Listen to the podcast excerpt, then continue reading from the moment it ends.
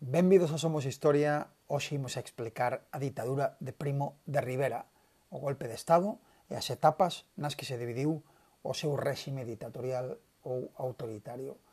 Seguramente algunha vez vos preguntasteis como eh, será un golpe de Estado, como un militar procede a establecer unha dictadura, de que tipo pode ser o discurso que pronuncia para xustificala.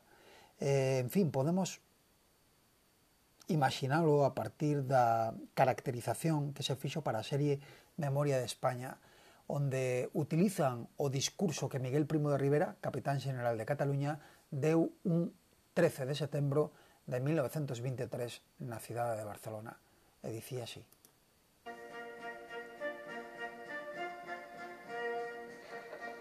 Españoles, ha llegado para nosotros el momento más temido que esperado de recoger las ansias, de atender el clamoroso requerimiento de cuantos amando a la patria no ven para ella otra solución que libertarla de los profesionales de la política. Este movimiento es de hombres. El que no sienta la masculinidad completamente caracterizada, que espere en un rincón, sin perturbar los días buenos que para la patria preparamos. Españoles, viva España y viva el rey. Wow, que me decides? Curioso discurso, pero non por curioso inesperado.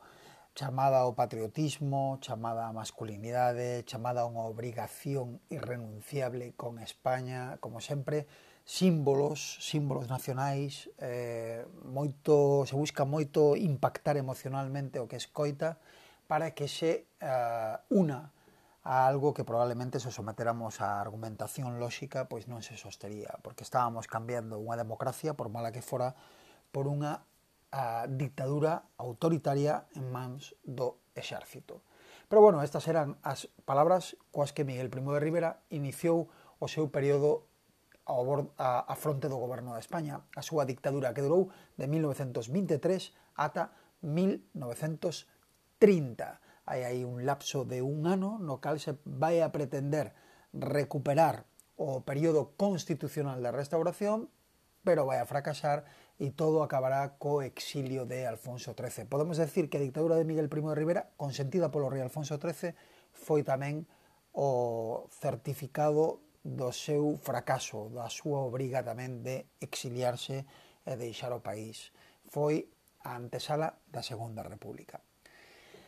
Eu empezaría sempre por unha contextualización na cal eh, explicamos cales eran os problemas que levaron a Primo de Rivera a iniciar o seu golpe de Estado. Lembrade que a inicios do século XX todo o sistema turnista montado por Cánovas comezaba a virse abaixo debido á confluencia de varios problemas Por unha parte, por exemplo, estábamos vivindo unha crise económica que se agudizara coa alza ou aumento de, dos prezos durante a Primeira Guerra Mundial. Podemos decir tamén que estábamos sufrindo unha guerra en Marrocos por controlar un protectorado, o do norte de Marrocos, e que esta guerra nos estaba provocando un altísimo número de baixas e continuos desastres dentro os cales debemos destacar o de anual, en 1917 que foi un auténtico escándalo e provocou a morte de máis de 10.000 soldados. Ou poderíamos mencionar tamén a crecente axitación social, a crecente ameaza de revolución social protagonizada por obreiros, por campesiños, por anarquistas ou por nacionalistas periféricos. Así que en setembro de 1923, día 13, como dixemos ao principio deste podcast, Miguel Primo de Rivera, que entón era non só general, senón tamén capitán general en Cataluña, dá un golpe de Estado en Barcelona co apoio e consentimento do rei Alfonso XIII que, se lembrades, vos remito ao podcast anterior, se atopaba moi acorralado, igual que outros militares, como Dama Berenguer, por exemplo, moi acorralado polas conclusións do expediente Picasso, ese, esa investigación que se levará a cabo para depurar responsabilidades do sucedido no desastre de Anual. Así que o rei Alfonso XIII non só non vai a desautorizar o golpe de Estado de Primo de Rivera, que era a súa función, porque el xurara a Constitución de 1876, por lo tanto xurara respetar esa Constitución e o golpe de Estado iba contra ela, non só non desautoriza a Primo de Rivera, senón que disolve as Cortes, disolve o Parlamento e entregalle directamente o poder. Primo de Rivera promete, fixadevos que curioso, solucionar todos os problemas, toda a profunda crise que vivía España naquele momento en tan só tres meses, recurrindo a un goberno autoritario uh, para eliminar a profunda crise existente. E se presentou uh, a sí mesmo como o cirurxián, o ciruxano de ferro, estas son unhas palabras que debedes, está moi ben que utilicedes, ciruxano de ferro que España necesitaba. Digo que está moi ben que, que utilicedes porque non as usou Primo de Rivera de maneira casual, de maneira azarosa, senón que foi unha expresión moi rebuscada, posto que era a expresión que utilizaba un regeneracionista, Joaquín Costa, para uh, cando pedía a modernización da de España. Decía que moi probablemente era necesario un ciruxán de ferro para arreglar todos os problemas que tiña España con man forte, con man recia, e ese ciruxán de ferro de man forte iba a ser, ou eso pretendía, Primo de Rivera.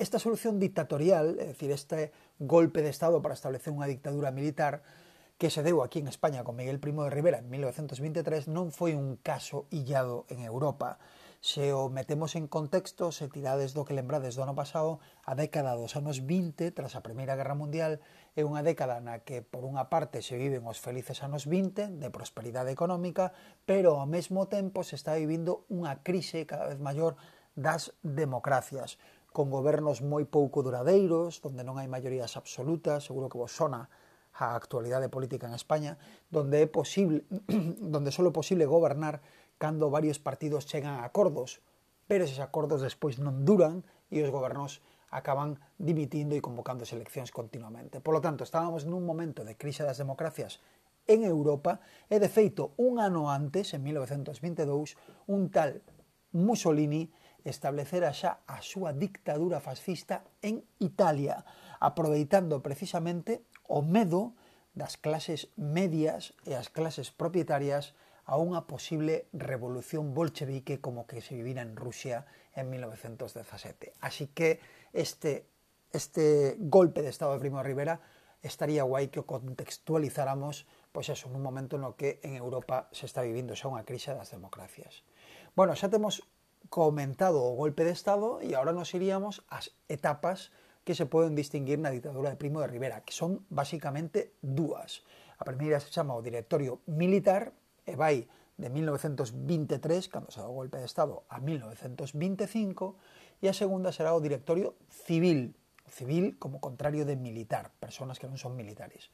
O directorio civil que vai de 1925 a 1930, cando por fin Primo de Rivera dimite.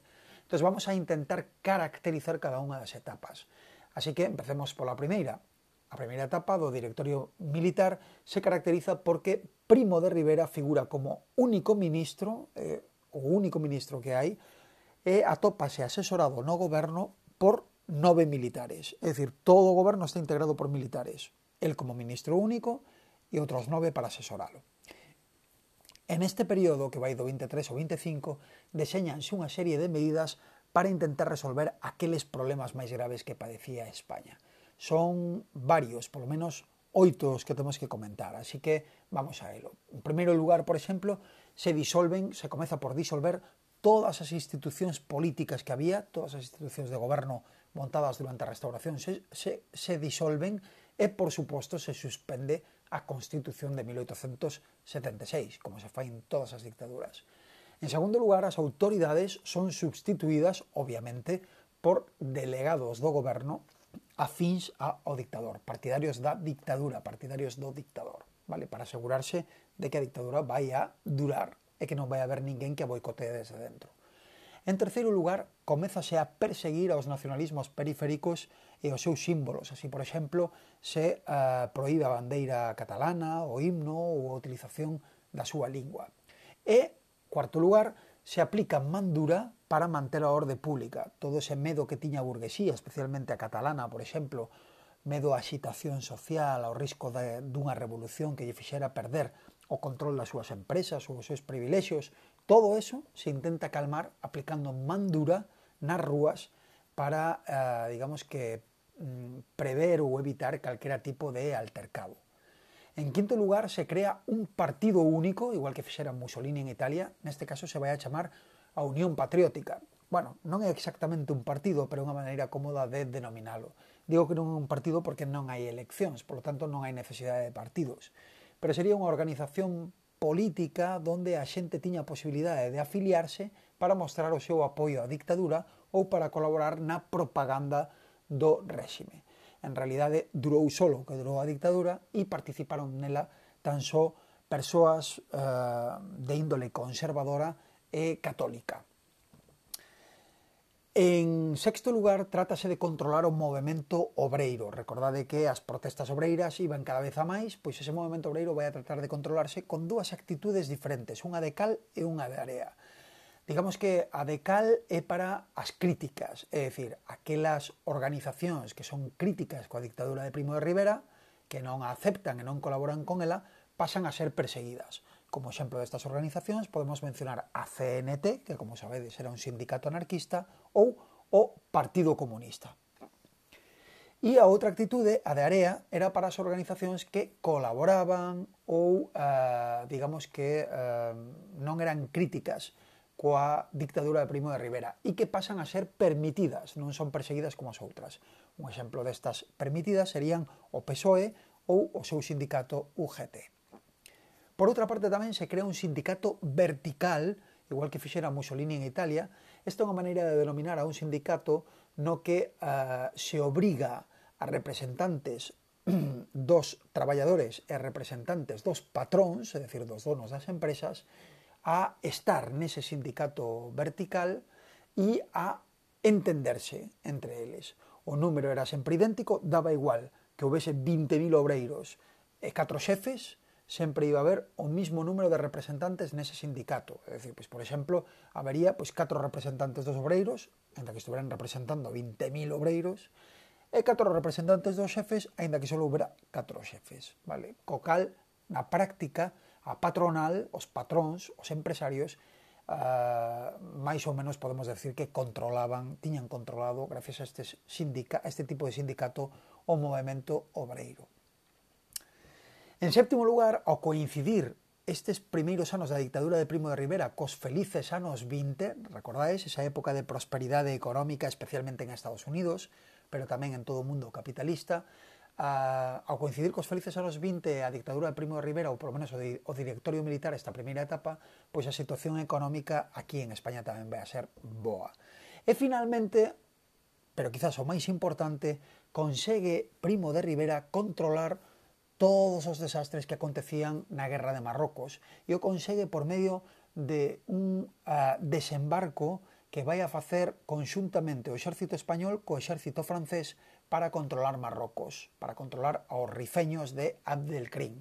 Este desembarco que naquel momento foi o maior da historia e nel se vai a basar o futuro desembarco de Normandía na Segunda Guerra Mundial, Ese desembarco, decía, o de Alucemas, porque se chamaba a poboación la que desembarcaron, o desembarco de Alucemas, ten lugar en 1925 y vai a acabar con Abdelkrim entregándose ao exército francés e, polo tanto, con Primo de Rivera controlando por fin a, o protectorado que se lle fora concedido a España no norte de Marrocos. E todos ese, estes éxitos, digamos, van a facer que en 1925 a popularidade de Primo de Rivera estea top, estea polas nubes, o cal vai a aproveitar para, ou intentar aproveitar, para converter a súa dictadura, que era militar, nunha dictadura civil, sen militares, coa intención de normalizala, institucionalizala, convertela, digamos, en no sistema, no sistema a, a, a continuar, no sistema eh, nun sistema que durase na, na, como forma de goberno en España. Empeza aí, polo tanto, a segunda e última etapa, que sería do directorio civil, que vai de 1925 a 1930, e que comeza cando Primo de Rivera mm, aparta os militares do goberno e entrega o goberno a personas que non son militares, polo tanto, a civis, que, eso sí, deben ser membros da Unión Patriótica, ese partido que él creara, ese esa especie de partido que él creara. Membros da Unión Patriótica, pero civis, non militares. Coa firme intención, como decía antes, de institucionalizar o réxime, de convertelo en normal, vale, de normalizalo, de que non parezca unha dictadura. Cal é o problema? O problema é que van aparecendo unha serie de inconvenientes que van a ir desgastando esta dictadura, que era para tres meses, como el decía, pero que comeza a eternizarse e a facerse incómoda. Así vamos a mencionar algúns. Por exemplo, en 1927 nace un pequeno problema que é que se unen os anarquistas de Portugal e España creando a Federación Anarquista Ibérica, a FAI, que vai a ser especialmente activa no futuro, pero que xa de por sí que existira era un problema tamén para Primo de Rivera. En segundo lugar, aumenta a oposición a este réxime dictatorial por parte de obreiros, pero tamén de estudiantes universitarios, que cada vez se van a mostrar máis activos. De feito, o intelectual e profesor universitario Ortega y Gasset vai a ser un dos que comece a criticar duramente a dictadura, o fai a través das súas obras e artigos, unha das súas obras esenciais foi A rebelión das masas. En ela critica no contexto, está vivindo no contexto dunha dictadura, pois critica esta forma de goberno. En cuarto lugar, podemos decir que Primo tomou a decisión de ascender a todos os militares. Foi como unha maneira de premiar ao exército, que era a base de, da súa dictadura, entonces os ascende e iso provoca que haxa un excesivo, un altísimo, un excesivo número de oficiais. En quinto lugar, comeza a formarse unha crise económica. Xa os felices anos 20 comezan a esgotarse, se aveciña o crack do 29, pero xa antes comeza en España a haber síntomas de esgotamento. Por exemplo, un síntoma desa crise económica que ven é que a peseta, a moeda española, comeza a perder a gran parte do seu valor. E por último, mm, Primo de Rivera eh, comeza a, a decatarse de que está perdendo o apoio daqueles que o apoyaran ao inicio da súa dictadura, por exemplo, a maioría dos mandos militares ou, por exemplo, o propio rei Alfonso XIII. E a eso se une un pequeno problemiña persoal, que era eh, a súa enfermidade, a diabete, que o vai debilitando. Esto, esta falta de apoios, este, estes crecentes problemas, pero sobre todo o desgaste propio da, da dictadura, eh, vai a facer que presente finalmente a súa dimisión a, ao rei, que está esperando como auga de maio, presente a súa dimisión e se exilie en París, morrendo tan só seis semanas despois, ali en Francia. O 20 de xaneiro de 1830 é a, a data na que se produce a dimisión de Primo de Rivera. Que fai a partir de entón Alfonso XIII? Pois entrega o goberno a outro general, Damaso Berenguer, pero co encargo non de continuar coa dictadura, senón de iniciar un proceso de volta gradual, de regreso gradual, á normalidade constitucional de antes da dictadura. Vale? Aquí non pasou nada, borrón e conta nova, volvamos ao que había. O problema é que este período, coñecido como dicta branda, non só non vai a funcionar, porque o rei perdeu toda a credibilidade, o que se esperaba do rei era que se opuxera a todo tipo de dictadura, e el non só non se opuxo, senón que a consentiu e a apoiou, Así que a dita branda non vai a funcionar, este encargo non vai a seguir adiante e finalmente toda a oposición, especialmente os pró-republicanos, comenzarán a mobilizarse para eh, planificar eh, unha maneira de lograr a, o fin da monarquía e o exilio do rei. Así que toda esta época da dita branda, que só dura un ano, ata 1931, rematará, como imaginades, coa proclamación da Segunda República e co exilio do rei Alfonso XIII. Por último, engadir que en Galicia, en 1929, se fundou a Orga, que era un partido eh, republicano de carácter nacionalista que xurdiu como reacción á represión de Primo de Rivera con respecto aos nacionalismos periféricos, incluído obviamente o nacionalismo galego, que non estaba á altura do catalán todavía, pero existir existía como sabedes. E ata aquí o, a composición de hoxe. Espero que fora da vosa axuda. Sabedes que me podedes contactar para calquera dúbida a través de Instagram en arroba Miguel Abraira. Veña, moito ánimo, escoitámonos pronto.